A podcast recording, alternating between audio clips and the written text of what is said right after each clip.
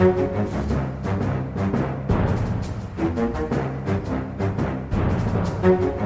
og jeg tror vi faktisk nå er i gang, jeg. Er vi i gang? Ja. All right. Og sånn er det det går når det er Aftenpodden igjen på, på en fin sommerdag her. Det er eh, jeg, Lars Glomnes, med Trine Eilertsen. Hallo. Hei. Sara Sørheim. Hallo. Hallo. Oh, nå har jeg, jeg har kjempet meg inn fra varmen eh, og gjort et lite sosialt opprør. Så for de som fulgte med sist, så, eh, så kan det da overraske at jeg kommer da ikledd shorts. Jeg vet ikke, Trine Eilertsen, du kan jo måtte, gi en dom eller en beskrivelse av, Ja. av plaggene jeg har ikledd meg i dag. den var, det var ikke så vanskelig, for jeg så jo dette med en gang du kom inn i rommet. Denne, Lars, er innenfor. Det er en uh, ganske sånn streit Hvis du bare hadde lagt på bein, så hadde det sett ut som en vanlig bukse. Ja, en dressbukse. Du har en sånn såkalt dressbukseshorts. Det Altså, ser, det, ja. det ser ikke ut som du skal hoppe i vannet fra Sørenga eller et eller annet sted. Det, Nei, og er- det er jeg glad for. Ja, ikke sant? Ja. Men du har jo du har en åpen skjorte med T-skjorte under. Er ikke det litt sånn Litt, rufsete? litt, litt utvasket, og tydeligvis en hvit T-skjorte som er vasket sammen med mye farget på farge 40. Kan det stemme? En, en utrolig presis beskrivelse. Altså, du fikk godkjent uh, innafor på shortsen, men litt sånn Bare sånn sjuskete ellers. Litt men, det, men det var faktisk det var det jeg gikk for. Fordi jeg, jeg har jo som eh, tradisjon tro avbrutt uh, friuka mi for Ja. å uh, gå løs på litt forskjellige ting. Vi skal innom litt, uh, litt uh, metoo i Høyre og sommerfest i Arbeiderpartiet. Litt bemanningsbyråers mulig endrede rammevilkår. Akkurat det siste der er jo en kioskvelter. Ja, ja, det når, det er, altså når det er 30 grader ute, så må vi snakke litt om eh, bemanningsbyråer og Ja. nulltimerskontrakter. Ja. Eh, dette vet vi jo godt. Det Men, men det må jo først jeg må bare gi en rapport fra, fra livet der ute, da, for dere som sitter og, og er hardtarbeidende redaktører. Ja. Fordi jeg har jo vært ute og hengt uh, og sett litt på endringene som har skjedd i Oslo. Jeg har vært på Sørenga de siste dagene. Det, er jo blitt, det har jo blitt en helt ny by. Ja, og der er det. Altså, det er kaos. Og jeg, er, jeg driver og, og kjemper litt med meg selv på om jeg er fornøyd eller ikke. Men jeg tror jeg er glad for noe. Jeg er blitt en eh, liberal mann. Eh, og dette det er altså så mye folk. Det er som et sånn, sånn, sånn, sånn indisk tog. Som det bare sitter folk på alle mulige hjørner og kanter. da. Og så Det er snakkes om at det er sånn 30 000 mennesker der ute eh, hver dag på de fine dagene. Og nordmenn har fått en helt annen intimsone. Ja. Ja, det har jeg faktisk. Jeg har kjempet Jeg, jeg har jobba litt med det sjøl for å bli komfortabel. Eh, sånn tett på andre mennesker i byrom. Og i Ja. bikini. I bikini, eller sånn nesten helt nakne. Sånn tett, tett sammen. Midt, sånn midt i byen. Det er eh, jeg, jeg tror kanskje jeg liker det, jeg òg. Jeg, jeg liker at nordmenn blir sånn. Men jeg, det er en, jeg må liksom jobbe litt med innstillingen min. Og dessuten er det veldig rart å gå sånn rett ned på stranda i sånn jobbaktige klær, og så hoppe liksom ut av den rollen og inn i sånn Gå rundt i bikini. Altså, det, er en, det er en sånn Det er unorsk. Vi får kalle det unorsk, men, Men, jeg tror jeg folk, det. men folk blir jo helt, helt gale. Uh, og, og det er et eller annet eh, Det har jo jobba i helgen, og da var det også masse folk der, så da skrev vi om det. Fordi denne gangbrua, en sånn flytebro som går mellom Sukkerbiten ved Operaen og over til Sørenga, eh, den ble jo stengt fordi det var noe hull i den, og den var litt sånn Ja, det var Den var utrygg, rett og slett. utrygg, da, sies det. Og så vi fikk jo bilder da av hvordan politiet hadde surra opp med sånne eh, ja, sånn polititeip. da. Sånne, og det, hadde det var ikke sånn, det var ikke én liten tråd på tvers som noen med ved en tilfeldighet kunne komme til å ikke se eller rive Vi De hadde forsøkt å surre igjen hele brua med, med, Med politibånd. ja. Ja. Og det varte omtrent i ti minutter. Og da var det bare sånn herre Nei, her jeg er i Norge, det er så jævlig varmt. Jeg river ned hele den dritten, og så går jeg over den brua her. Det var Ga fullstendig blaffen. Tolke eh, allemannsretten Ja. så langt vi kan. Ja. Ja, vel, det er på en måte litt fint at eh, selv om vi i Oslo har vært utsatt for øh, faktisk til og med altså virkelig sånn de verste ting, terrorangrep, og da, det er nok av alvor her i byen, men jeg liker likevel at det er litt sånn at om det står politi på en sånn liten plastbit, eller om det er noe helt annet, det, liksom, det slår ikke ut. Folk blir ikke redde. Det er bare sånn ja, men vi går her likevel. Det er sikkert ikke så farlig. Det er sikkert bare noen sånne dumme HMS-regler. Onsdag kveld så hadde vi sånn kjempe olje, fyringsoljeutslipp i Alnaelva. Så det rant masse olje ut i vannet. Og så, så politiet var sånn Her kan dere ikke bade lenger. Og de var fortsatt bare sånn Nei, da må du trekke meg opp av vannet. Det var mer eller mindre bokstavelig talt.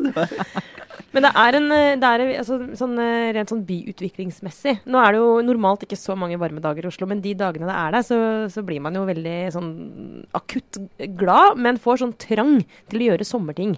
Og det må jeg si at denne byens liksom, eh, endring fra da jeg var liten fram til nå og det jeg hadde med mine egne barn ned til Tjuvholmen for å bade i går, og foregårs. Og det liksom å kunne sykle ned til sentrum med barna for å gå på stranda, er jo en helt sånn Det åpner opp byen. Og det at de bitte små menneskene, sammen med liksom svære ungdomsgjenger, eh, masse voksne folk som bare var nede etter jobben altså liksom Det blir sånt fellesskap som som jeg tenker blir sånn, det, det, det endrer tilhørighetsfølelsen eh, i byen vår òg. At ikke det er et sted du må reise bort fra når det blir fint vær. Men tvert imot, vi trekker liksom sammen ned til sentrum. Det er sånn, da, det blir jeg sånn ekte glad for. tenker jeg. Dette er en velfungerende storby. Det er Da er du fantastisk. da engasjerer deg her, Tine? Du er mer sånn som stikker opp på, uh, på fjellet? Nærmeste på fjellhopp? fjorden, Nei, og nei, altså jeg er jo veldig glad i sjøen. men Skulle ønske jeg hadde båt her i Oslo. Det har jeg jo ikke det på Vestlandet. Eh, For jeg liker meg utrolig godt på sjøen, uh, gjør jeg. Men uh, så bor jeg sånn til at uh, stikke opp til Sognsvann på sånne dager. Vi gjorde det i går. Tok med de små opp og hadde en veldig enkel middag på et uh, piknikpledd og badet litt og svømte. Nydelig. Helt fantastisk. Og det er jo det som er med, med Oslo, den tilgjengeligheten til eh, ja, naturen i dette tilfellet, og sjøen i dette tilfellet. Sant? Det er jo helt fabelaktig. Ja, bra, altså. Men, men brukte du engangsgrill, Trine? Vet du hva, vil ikke falle meg inn. Åh, eh, Bare, det, kom, det høres kanskje helt merkelig ut, men bare, hva, hvorfor er det altså jeg, du, det, det var det store, engasjerende møtet på Nei, temaet i kommentargruppens morgenmøte i dag, kan jeg avsløre at det var engangsgrill. Der vi var, vi var ikke delt i to. Det var én avviker som var veldig entusiastisk for engangsgrill, og så var det også andre som forutsigbart nok da eh, var veldig imot. Og det er rett og slett fordi at for, for mange ikke rydder opp etter seg. Og hvis du har gått i fjæra rundt i Norge og ser alle de engangsgrillene som eh, duver i land og ligger strødd rundt på strendene, så tenker du folk må kjøpe seg en eh, bærbar grill. Jo, men her må man ta liksom, problemet og ikke symptomene, da. Altså, problemet er at folk ikke, ikke klarer å rydde opp. Men, Problemet er jo at folk er idioter. ja, ja, det er alltid problemet. Og hvordan skal du løse det? Nei, men jeg blir irritert fordi jeg er, elsker engangsgrill. Det, altså, jeg er virkelig en sånn, jeg er entusiastisk eh, engangsgrilltilhenger i, i mitt familie- og privatliv. Altså, bare det å kunne ta med ungene og lage mat ute som er varm. Det er, og så blir jeg sånn Men det er noe forbudt få- nå, da. Jo, men da blir Ja, men men det er pga. brannfare. Og det er kjempeforbudt. Jo, men hvis, hvis, hvis da Nå Ja, høres jeg Men hør nå, da. Hvis Ja. jeg liksom ikke får bruke engangsgrill, som alltid kaster den der den skal kastes etterpå, fordi mange andre mennesker ikke klarer å ta vare på søpla si, så kjenner jeg blir irritert. Jeg kan ikke komme med en lov mot engangsgrill. Jeg må heller bare bøtelegge folk som ikke kaster den, da. Skjønner du hva jeg mener? Altså, det er det man må angripe. Ikke den stakkars engangsgrillen. En genial, enkel liten oppfinnelse som Du, gjør at du er i ferd med å bli en ekte liberaler, Åh, eh. Sara. Det er nå, nå, er du, nå har du sklidd helt ut. Sklidd helt ut. Ja. Nei, men, er ikke, men jeg er jo for en lov Nei, jeg er jo for høye bøter. Det er ikke å være sånn 100% liberaler, eller?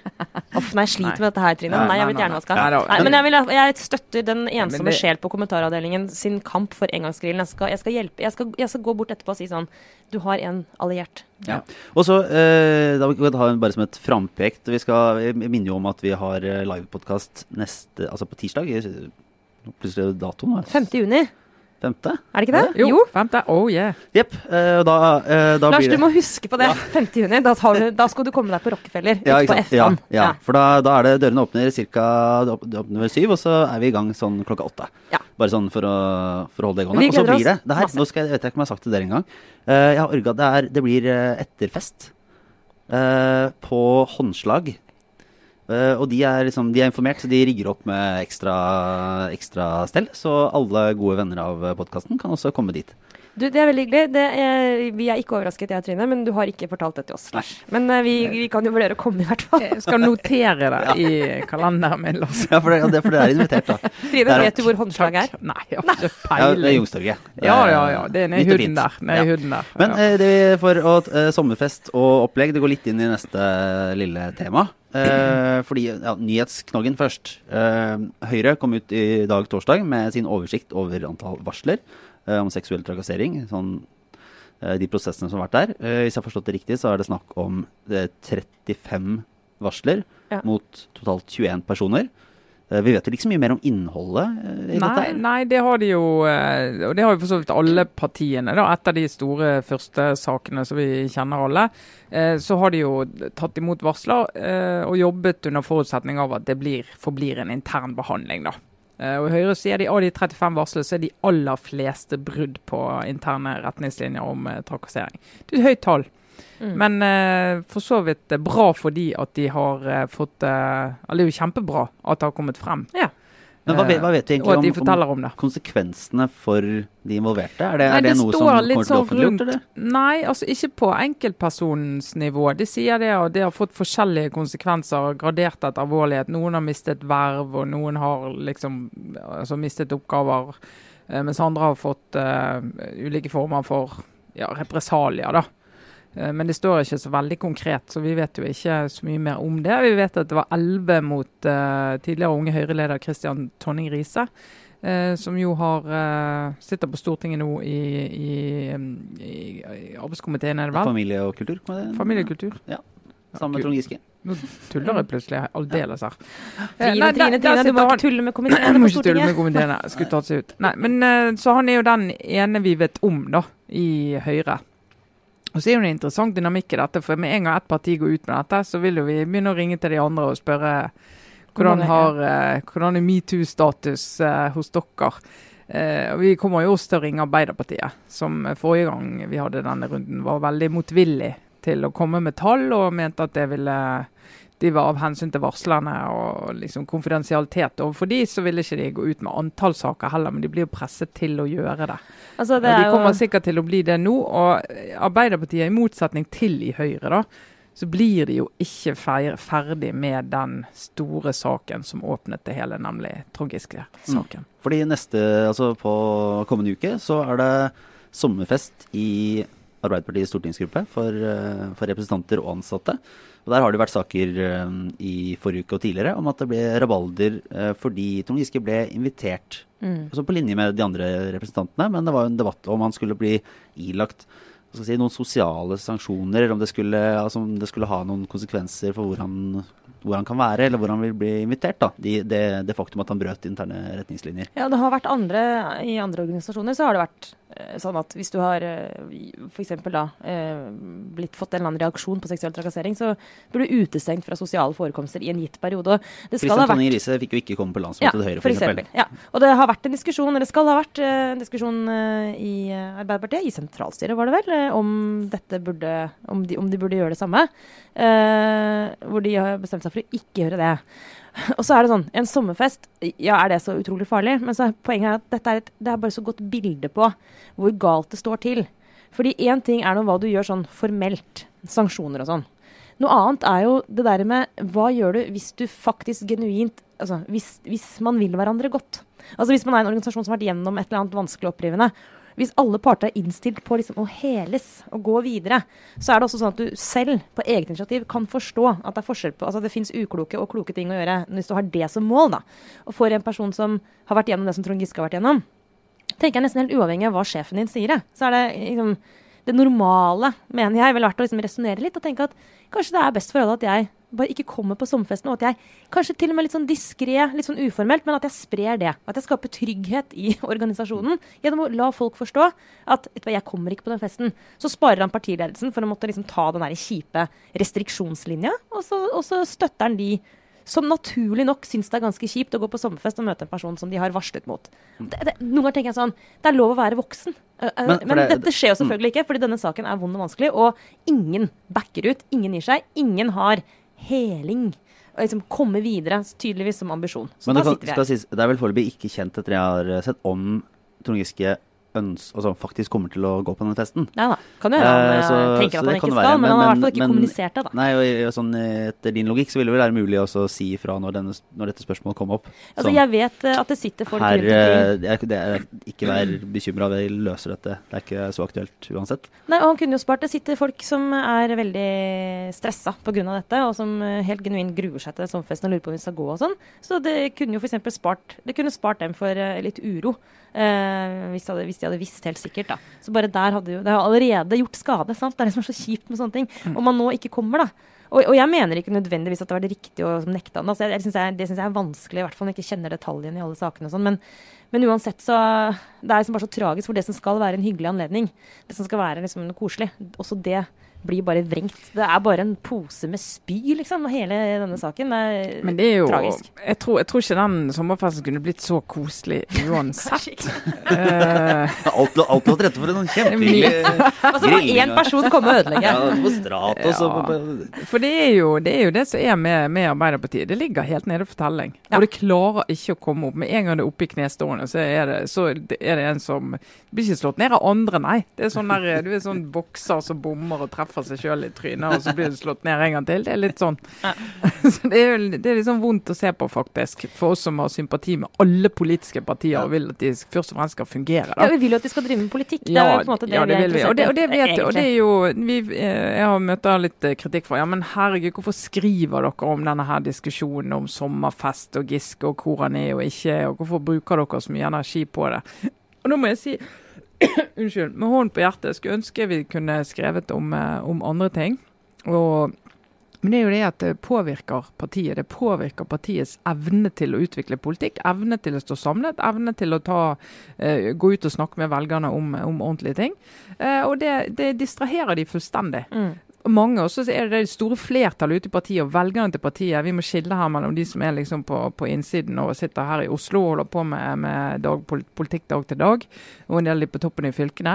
Eh, og de som er velgere og, alle, og, og tillitsvalgte på lavere nivå. For de er selvfølgelig utrolig opptatt av å komme videre. De som Mm. jobber her i Oslo på toppnivå, bidrar veldig liten grad til det. Og så kan du si at ja, Trond Giske kunne ha gjort det. Sagt at eh, jeg kommer ikke på den sommerfesten uansett, så det trenger ikke å bli en sak. Mm. Men hvis utgangspunktet hans er at han mener at han er urettferdig behandlet, Mm. så kan logikken være at eh, ja, men da får jo de heller kjenne litt på det ubehaget, da. Hvis dette var så enkelt og rett frem, så hadde det jo ikke vært noe ubehagelig. Da hadde vi jo bare vært enige om å Men i, men i en sunn organisasjon der det var enighet om hva som hadde skjedd, Mm. og der du har en ledelse med, med godt grep om folk på begge sider, så hadde jo alle disse her snakket sammen for lenge siden. Og hadde snakket sammen og blitt enige om hvordan skal vi gå videre. De hadde sittet i samme rom. De hadde liksom, altså på, si, på en arbeidsplass eller et Mm. annet sted. Så er du nødt til å få ting til å fungere.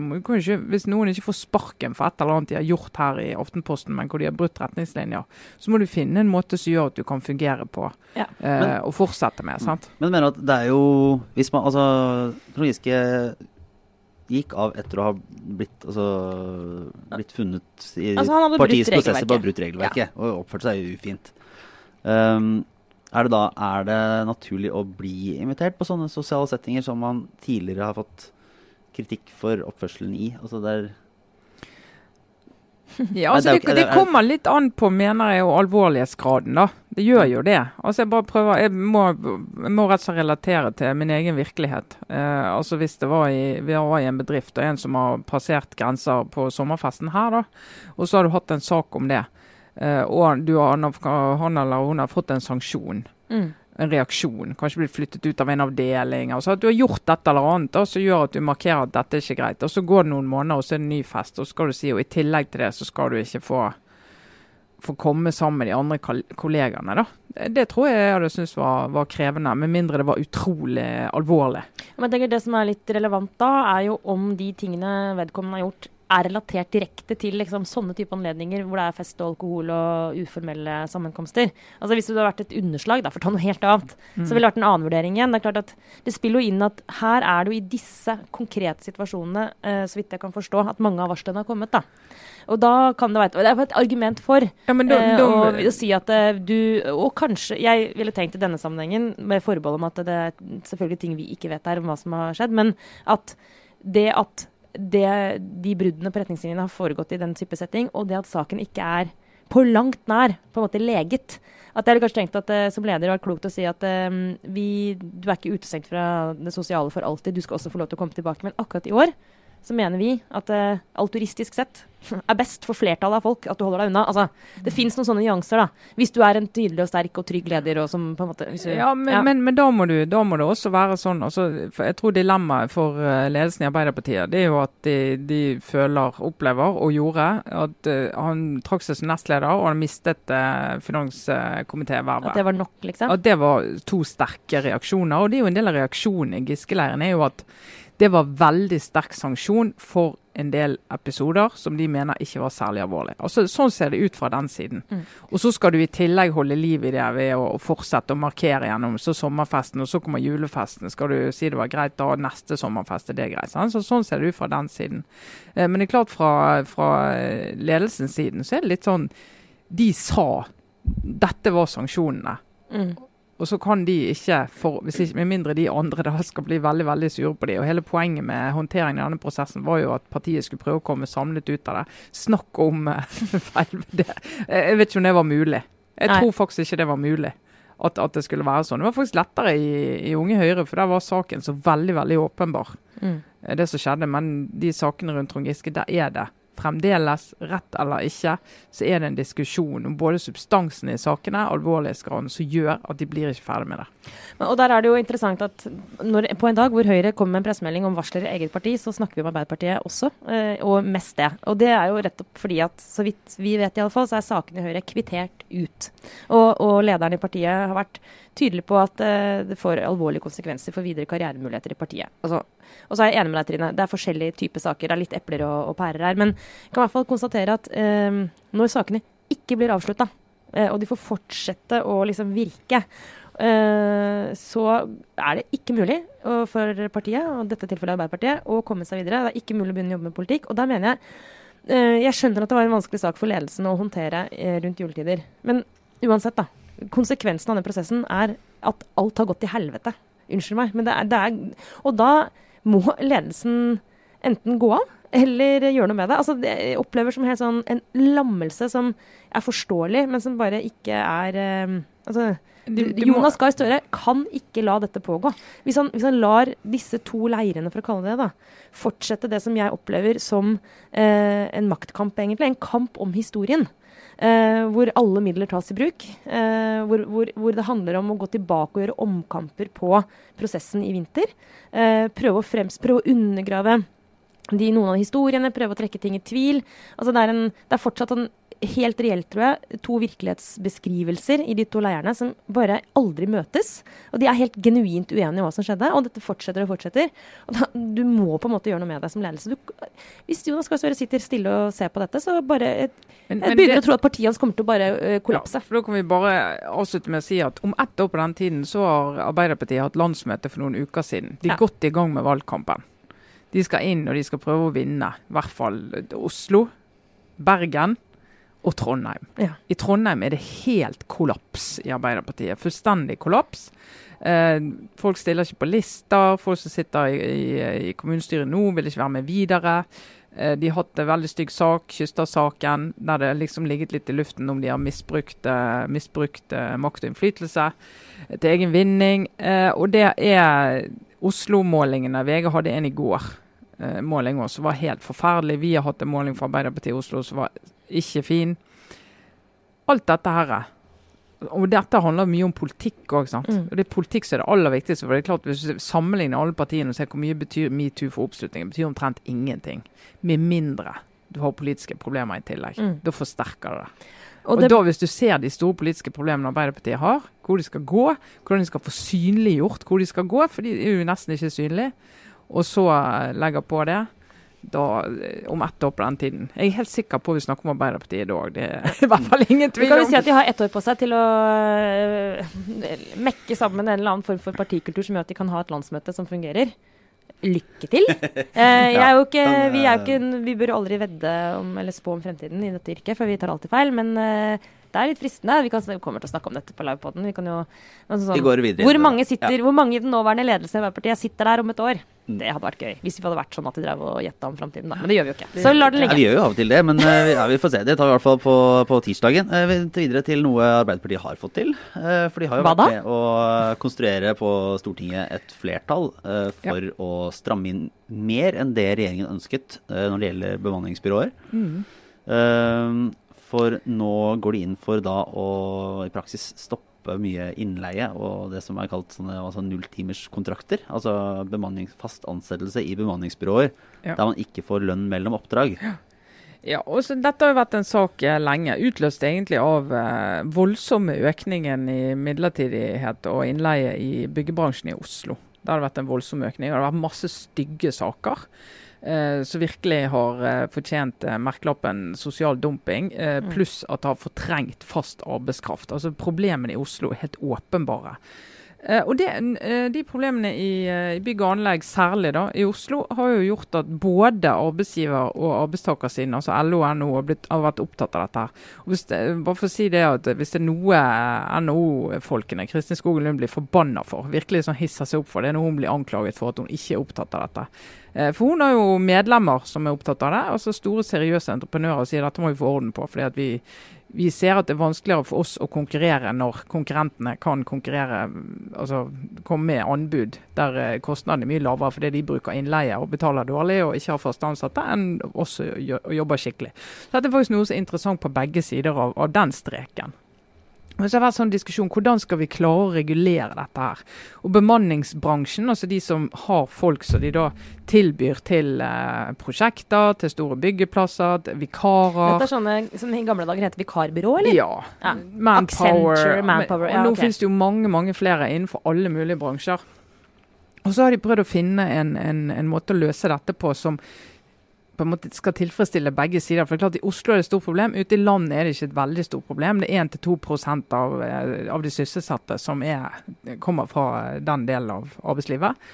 Eh, og det har vært ganske stabilt. Det er først og fremst i, i Oslo den veksten har vært. Og rundt landet har det vært ganske stabilt. Så liksom Men så ønsket, eh, ønsket eh, Arbeiderpartiet, sammen med LO, at vi er nødt til å ikke bare se på byggebransjen i Oslo som en slags sånn hva skal jeg si, dette kommer til å bli mye verre i resten av landet, så må vi dra de ordningene som er foreslått for byggebransjen i Oslo, som er at du skal kunne øke liksom andel innleie hvis du har fagorganisasjoner der som har slått sånn, eh, sånn innstillingsrett. YS og LO, altså de er med på å bestemme hvem som skal få lov å ta oppgaver og jobbe. Så ledelsen kan Eh, ikke aleine bare bestemme seg for at vi skal ha så og så mange Og- og- midlertidige og- eller det må være en tariffavtale. Og så må Ja, ha en tariffavtale. Og det, og det er ganske sånn Veldig mange har jo det, men under, rundt halvparten har ikke tariffavtale i Norge. sant, av de. Eh, Men så har eh, regjeringen sagt at ok, innenfor bygg og anlegg, og særlig i Oslo, er det så stort problem at der må vi gå langt for å, for å stoppe dette ved å bruke den type, eh, stille den type krav. Og så har jo LO og Arbeiderpartiet ønsket å strekke dette utover. Og det har de fått med seg KrF på. Uh, og det er det enormt sterke reaksjoner på, uh, på i NHO og rundt omkring i næringslivet. Altså at KrF har gått med på det, liksom? At Ja, de har og fordi at- saken og, og saken, for det, det er en del Mm. opplever det at KrF har gått med på nå, sammen med Arbeiderpartiet. eh, det er også å sikre at LO får flere medlemmer. Oh, ja. For du tvinger frem organisering på steder der det ikke er organisering. Men er ikke, for, er ikke nå, Kontrollspørsmål bare, siden Mm. dette det er ikke helt min hjemmebane, kanskje sånn akkurat dette. Men uh, er ikke egentlig alle for en Jo, høy altså, organiseringsgrad? både- så hva er problemet med det? Både NHO og LO er opptatt av organisering, Ja, så- organisert arbeidsliv. Så er ikke det noe Men det at flere prinsipielt, prinsipielt så er holdningen, har i hvert fall vært, mange i hvert fall, har det prinsippet at ja, det er veldig fint hvis du organiserer det, men du må velge det selv. Du må se at du har nytte av det. Og hvis du er en student som jobber midlertidig gjennom et vikarbyrå, eller hvis du er en som faktisk eh, så vidt har begynt i arbeidslivet og har lyst til å prøve deg på den måten, eller kanskje det er den eneste muligheten de får prøve deg på, så har du ikke mulighet til å gjøre det med mindre du er organisert. Okay, så Og, det går og for liksom alle, det er ikke alle som, så det er naturlig å være organisert for. Det er noe rent sånn uh, personlig ting. Og så er det det at for en del uh, arbeids, uh, altså ansatte, så er det mer naturlig å være organisert i andre organisasjoner enn LO og YS. Mm. Og, og så er litt sånn tanken, og en del av det reaksjonene går på det at prinsipielt så må det være åpen for at folk enten ikke er organisert, eller at de organiserer seg andre steder enn de. Så at det blir lest som fra, eh, fra enkelte som at dette ikke bare er for å hindre sosial dumping i seg sjøl og midlertidighet, men det er for å sikre L eh, LOs, eh, at ikke LOs medlemstall skal, skal synke. da. Sånn, det er ganske du, sterke eh, reaksjoner på. men hvis du må velge mellom to onder, da, for å kalle det det Litt spesielt å kalle det et onde, kanskje, men sånn hvis du, ok, vi, vi, må, vi vil kjempe mot sosial dumping. Vi har en måte å løse det på. Det, det fordrer at, veldig, at, at LO får flere medlemmer, og at det blir kanskje litt følelse av tvang. tenker jeg likevel sånn Vektbalansen der. Sånn, ja, men det til siste er vel ikke så helt forferdelig. Er ikke, det verdt å, liksom, er ikke det verdt det for å gjøre noe med det enorme, som faktisk er et helt reelt kjempestort problem, som er sosial Ja, men, men, ja, det er et kjempestort problem noen steder, men hvis du sier 1-2% av det sysselsatte er eh, ansatt vi- på denne måten, eh, så vil noen mene at du liksom skal legge en sånn si at Mm. LO av alle organisasjoner. Altså for en del, altså Jeg kjenner folk som ikke er medlem av LO fordi at de betaler for Arbeiderpartiets valgkamp. Ja. Sant? Altså det, For noen er det faktisk en grunn. Og så kan du si det at ja, det er veldig dumt, for Arbeiderpartiet vil jo det samme som LO. Og hvis du er i LO, så vil jo du det samme som Arbeiderpartiet. Men, men hvis du skal legge den ut og si at det er et krav rundt omkring i arbeidslivet, så er det klart at for enkelte er det veldig rart. Mm. For det er jo ikke sånn at bare fordi at du jobber i den og den bransjen, så er du eh, Arbeiderpartiet velger, om du vil. Nei, Men det, men det er vel, så, det er vel sånn eh, Det er jo sånn at, at frykten for at den delen av arbeidslivet skal vokse ganske mye Det, det finnes jo land også i Europa som på en måte er sammenlignbare, der de bransjen har blitt mye større. Og Ja. der, der den type kontrakter og den type innleie uten den samme sikkerheten uh, har fått, fått gode vilkår og, og vokst seg inn på nye områder. Ja, da vil det jo, ja, og da vil du jo fra, fra norske arbeidsgiversiden si at uh, det ser vi òg. men så tar vi det når det blir hvis vi skulle si at det blir et problem. Men, men våre medlemmer er jo opptatt av ryddighet i arbeidslivet. Og det mener jeg er litt sånn Altså Den norske modellen er jo fundert på at vi faktisk har det partssamarbeidet som gjør at du ikke har som premiss at arbeidsgiversiden er på jakt etter å lure arbeidstakerne til enhver tid. Mm. For det er det jo ikke. Men her er det jo altså det er LO som står mot NHO da, i, i, dette, liksom, i akkurat den praktiske løsningen. Og så får LO med seg eller hva skal jeg si, et stortingsflertall for, å, uh, for, for den strengeste tolkninga. Er det, er det noe som tyder på at det er feil, eller er bare at NHO mener at det er en dårlig løsning for dem? For, for en god del av næringslivet er det en dårlig løsning, fordi det gjør det tyngre for dem eh, å, å drive sin drift. Altså det er litt sånn OK, vi, vi kan ikke gjøre dette uten at vi klarer å få en tariffavtale på plass. For en del mindre, mindre bedrifter så ser de på tariffavtale som en ganske sånn stor, tung ting å gå inn i. Mm. Og, det kan jo, og det kan du jo liksom si Du kan jo også premisse at det er, det, er ingenting, det er ingenting galt med dagens ordning. Vi må bare forsterke den og løse opp den. Hvis det så hadde vært en interessant inngang på det, hadde jo vært vi ønsker fra arbeidstakersiden og arbeidsgiversiden at vi skal øke organisasjonsgraden, for det er et godt organisert arbeidsliv gagner mange. Mm. Hvordan skal vi gjøre det? Hvordan skal vi få folk til å få lyst til Ja. å organisere seg? Dette er den klassiske pisk- eller gulrot-debatten. ja, men nå har du, det har liksom kjøpt premisset om at, om at det, er, eh, det er det som er den hemmelige uh, årsaken til at man vil gjennomføre dette tiltaket. Jeg mener, De som argumenterer for det, er vel for at det, er en, det gir en mer forutsigbar Ja, arbeidshverdag ja. for den enkelte arbeidstaker, å få en ansettelse der man Ja, jobber, og ja, få et ansettelsesforhold absolutt. direkte med arbeidsgiver. Ja, for, for en god del er det, men for enkelte av de så er det jo altså Det finnes jo en del marginal arbeidskraft, om du vil, eller folk som aldri har vært i jobb, som får sin første jobb gjennom et bemanningsbyrå. Men Ja, de får ikke fast jobb. De, og det alternativet for en del av de hvis bemanningsbyråene ikke formidler jobb til de, det er å gå på Nav. Og så kan du si det at det, det er jo kjempefint, for det er jo det Nav skal gjøre. Men er det, ikke, er det ikke bra å ha flere veier inn? Skal du gjøre det så rigid at du stenger én vei for én type arbeidstakere som har problemer, eller potensielle arbeidstakere da, som har problemer med å komme inn i arbeidslivet? Eller skal du ikke gjøre det? Hvis problemet i realiteten ikke er kjempesvært, Men eh, kommer dette nå faktisk til å skje, eller er det sånn at eh, det er nye runder? Nei, altså det som skjer er jo at eh, KrF har gått med Arbeiderpartiet. Og da blir det lest som at KrF eh, gjennom denne og eh, andre saker i Stortinget nå legger seg så tett inntil Arbeiderpartiet at de i realiteten har valgt side. Og det Altså, er jo litt det. At de har gått til venstre. Ja. Altså at de generelt har gått til venstre, eller bare i denne saken? Eller altså Nei, i flere reelt- saker. Ja. Eh, og de gjorde det i den uh, Babcock-saken. Mm. eh, la de seg sammen med Arbeiderpartiet. Og de har en retorikk som forsterker inntrykk av, og sånn blir det lest, eh, at de nå har, egentlig har valgt side. Det foregår en diskusjon i partiet, men i handling så velger de det. Det er litt sånn rørende, litt sånn søtt. At det liksom Ja, nå! Nå går de dit! Når, når alle andre flykter unna som fra en branntomt. Nestekjærlighet. Så- så- Nestekjærlighet, Ja, så bare, ja, men stakkar, vi går dit unna. De, Ja. de, ja, det hadde vært hyggelig for uh, hvis Jonas Gahr Støre kunne fått en sånn. Jeg og Knut Arild har blitt enige om at vi skal, vi skal gå videre hånd i hånd. Ja. Men, uh, Men, men, så, men sånn helt sånn bare på tampen, da. at eh, jeg tenker jo at for LO, som er jo den viktigste eh, fagorganisasjonen, og som eh, må klare å, klare å rekruttere nye, yngre medlemmer fra, si, som kjenner seg igjen i LO. Så ja, jeg har fått gjennomslag for, for dette, men for LO må jo jobbe med å finne ut hvordan de kan tiltrekke seg arbeidstakere. Ja. Altså Du kan på en måte ikke Trikset er jo ikke å på en måte tvinge folk inn. Det er jo at folk tenker det her har jeg skikkelig egeninteresse av å være med på. Og den, den diskusjonen i LO tror jeg er overhodet ikke åpen nok og omfattende nok.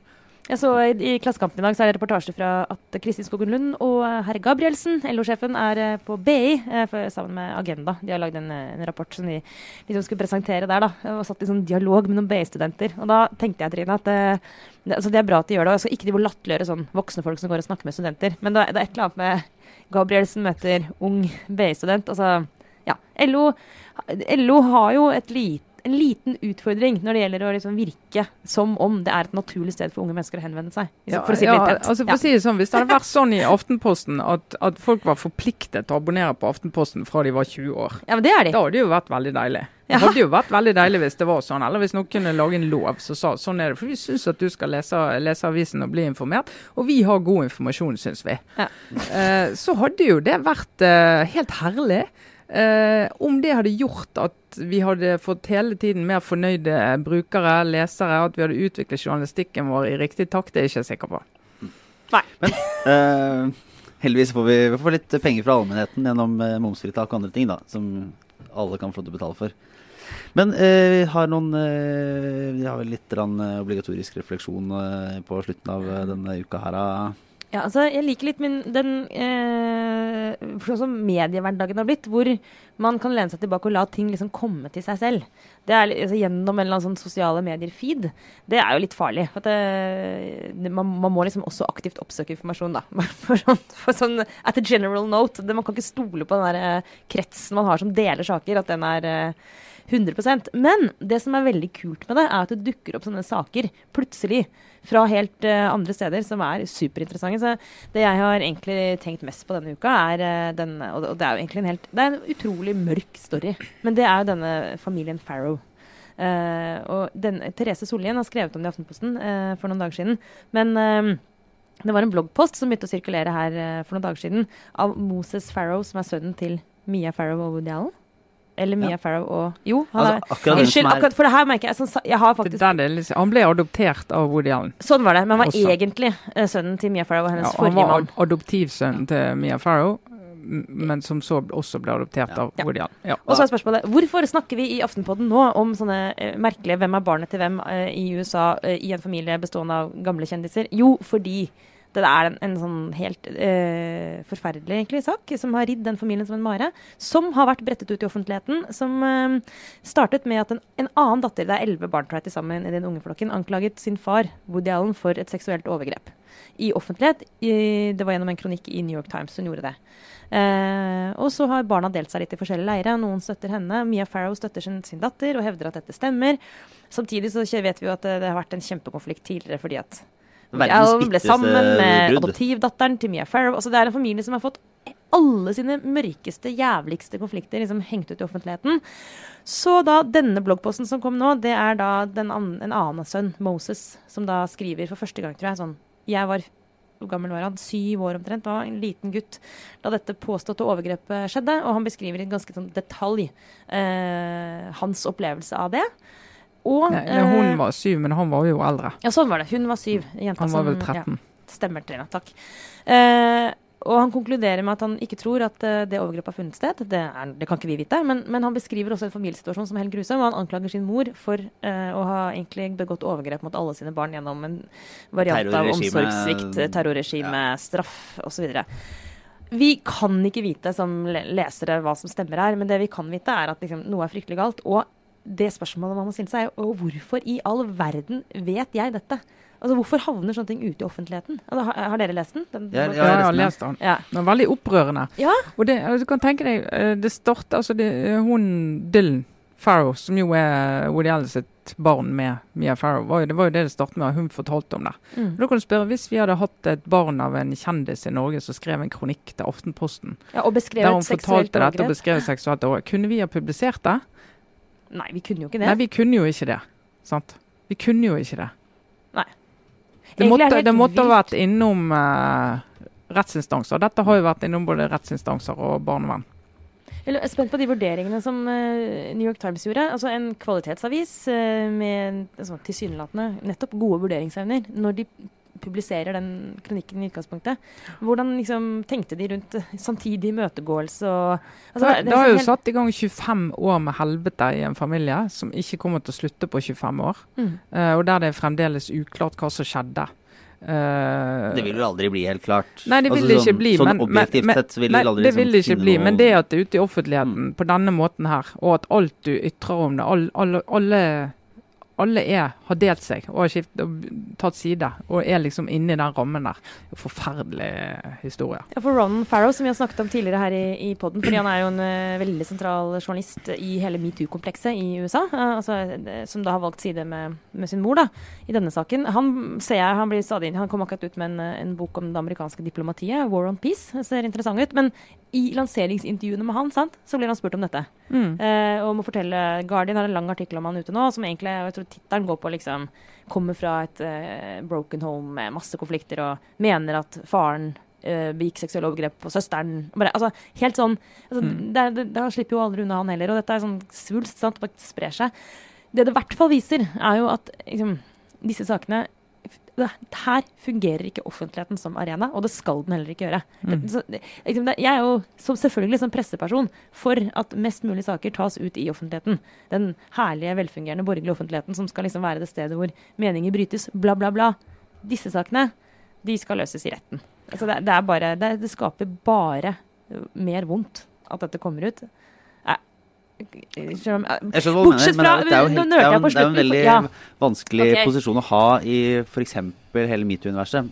Fordi at ja. det, det, baserer seg på at det er noen ting som ikke nødvendigvis faktisk kan tas til retten, men der, der det fins en bevisbyrde eller noe som, som uh, men, men, ja. likevel tilsier at det bør tas Altså Weinstein-saken var, var, jo aldri i retten før de uh, ofrene sto ja. fram og fortalte hva som hadde skjedd. Men her har det jo med roller å gjøre. Og det, inni, det er forskjell på inni en familie og ute i, når du er i, ja, i, i en rolle.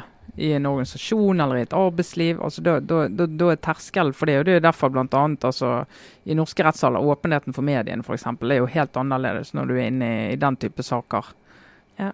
Innenfor familierett enn du, når du er i, i andre rettssaker. Mm. Straffesaker. Jeg, si jeg hørte også at jeg liksom du vet, Noen ganger man begynner å prate, så blir man sånn Ja, for det her er jeg liksom veldig sikker på. Sånn dra argumentasjonsrekka. Og så sånn akkurat på hoppkanten så bare Eller vent nå litt! For da begynte jeg nettopp Lars å tenke på det at eh, når du ikke for å si det omvendte, da. ikke sant? Hvis du er maktesløs i møte med rettsapparatet eh, La oss si da at du har blitt eh, At du har opplevd dette. Din far, som er superkjent, superrik, har faktisk begått et seksuelt overgrep eh, eh, og har penger til å betale all verdens advokater eh, for at den saken aldri aldri skal verken komme opp i retten, og hvis den gjør det, skal du i hvert fall tape, da, som den, som den fornærmede part.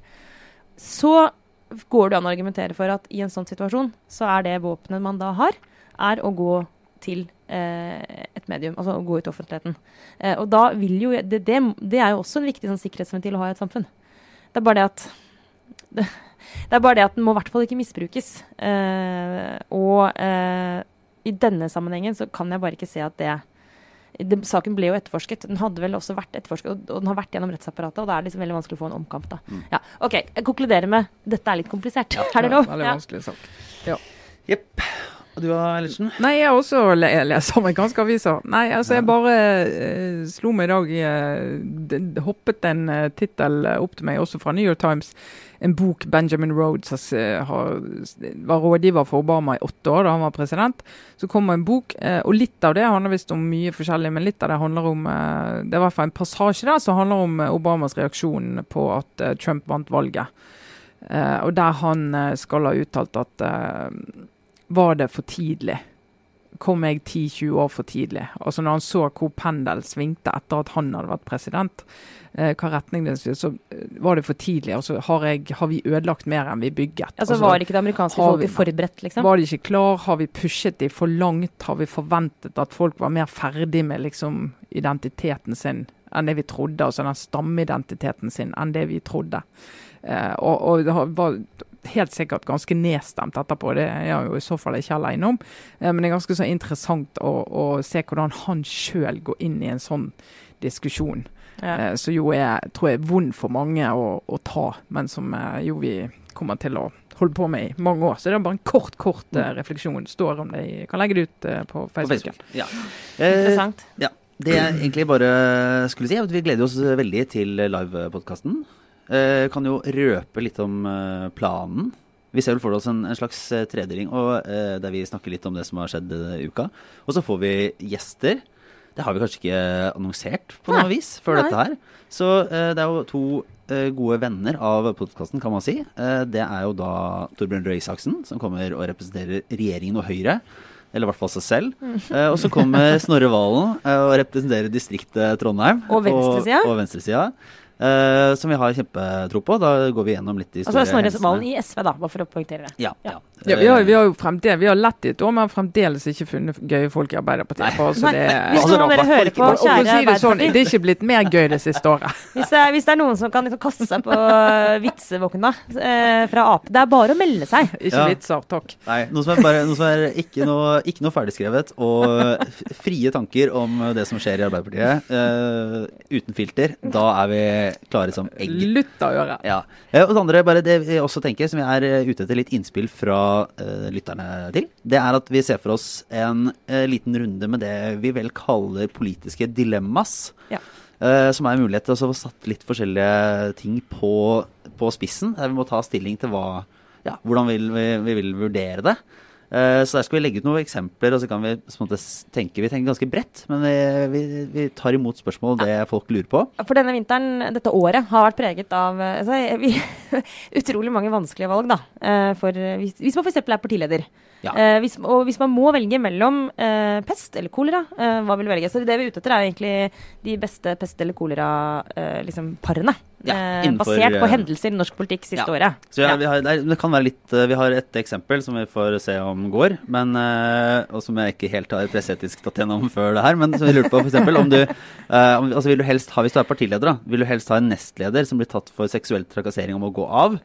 Eller en som er på hyttetur der det sendes fittemeldinger til en ekspartileder og blir sittende? Ja, for eksempel. For eksempel, da. Som et ehm, som et, som et, ja, som et, et teoretisk dilemma Ja. der man må ta stilling. Eller bare Det er jo ikke så mye pest eller kolera, men hvis du er Siv Jensen, vil du ha Sylvi Listhaug på innsiden eller utsiden av regjeringen? Ja, Men det er jo et helt det er, det er, Dette er jo reelle dilemmas. De er Ja. hentet fra et virkelig liv.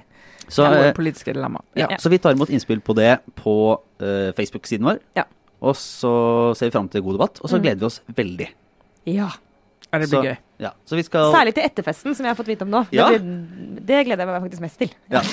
Så vi håper at det blir en, en morsom kveld for alle sammen. Eh, Det blir i hvert fall det for oss. Ja. Og så skal vi bruke noen dager på å tenke litt mer på opplegget. Vi har faktisk planlagt litt. Altså. Så Skal vi er ta opp sendingen og dele med de av dere som hører på som ikke skal dit?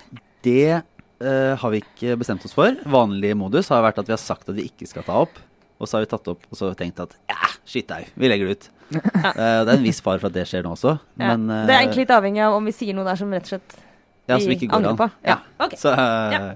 Men det finner vi ut av. Og så er vi tilbake neste uke uansett. Både live og på, på øret. Yes. Det var Trine Eilertsen, Sara Sørheim. Jeg er Lars Lomnes. Ha det bra.